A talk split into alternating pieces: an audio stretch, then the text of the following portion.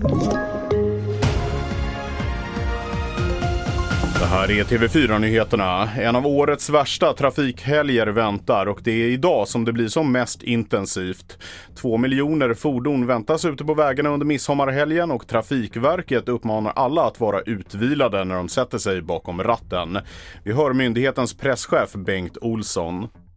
Så att det kommer vara en hel del trafik som går från Stockholmsområdet, Mälardalsområdet eh, upp till Dalarna överhuvudtaget. Men tittar man på det stora hela annat i övrigt så hela västkusten kommer det hända ganska mycket med, med trafik under dagen. Och det beror på att här finns det en, en mängd sommarorter som man ska ta sig till. Men sen så har vi den som brukar vara klassikern är egentligen E22 ner till Kalmar och Ölandsbron. Mer om midsommartrafiken och vägarna du ska undvika kan du se på tv4.se. Låten Running Up That Hill med Kate Bush har sprängt miljardvallen på Spotify. Därmed blir hon den första kvinnliga soloartisten som når den milstolpen med en låt från 80-talet, skriver Billboard.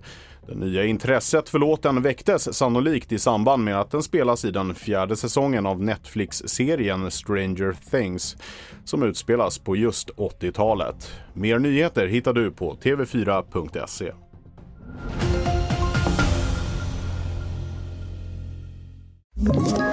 Ett poddtips från Podplay. I podden Något Kaiko garanterar östgötarna Brutti och jag, Davva, dig en stor dos skratt.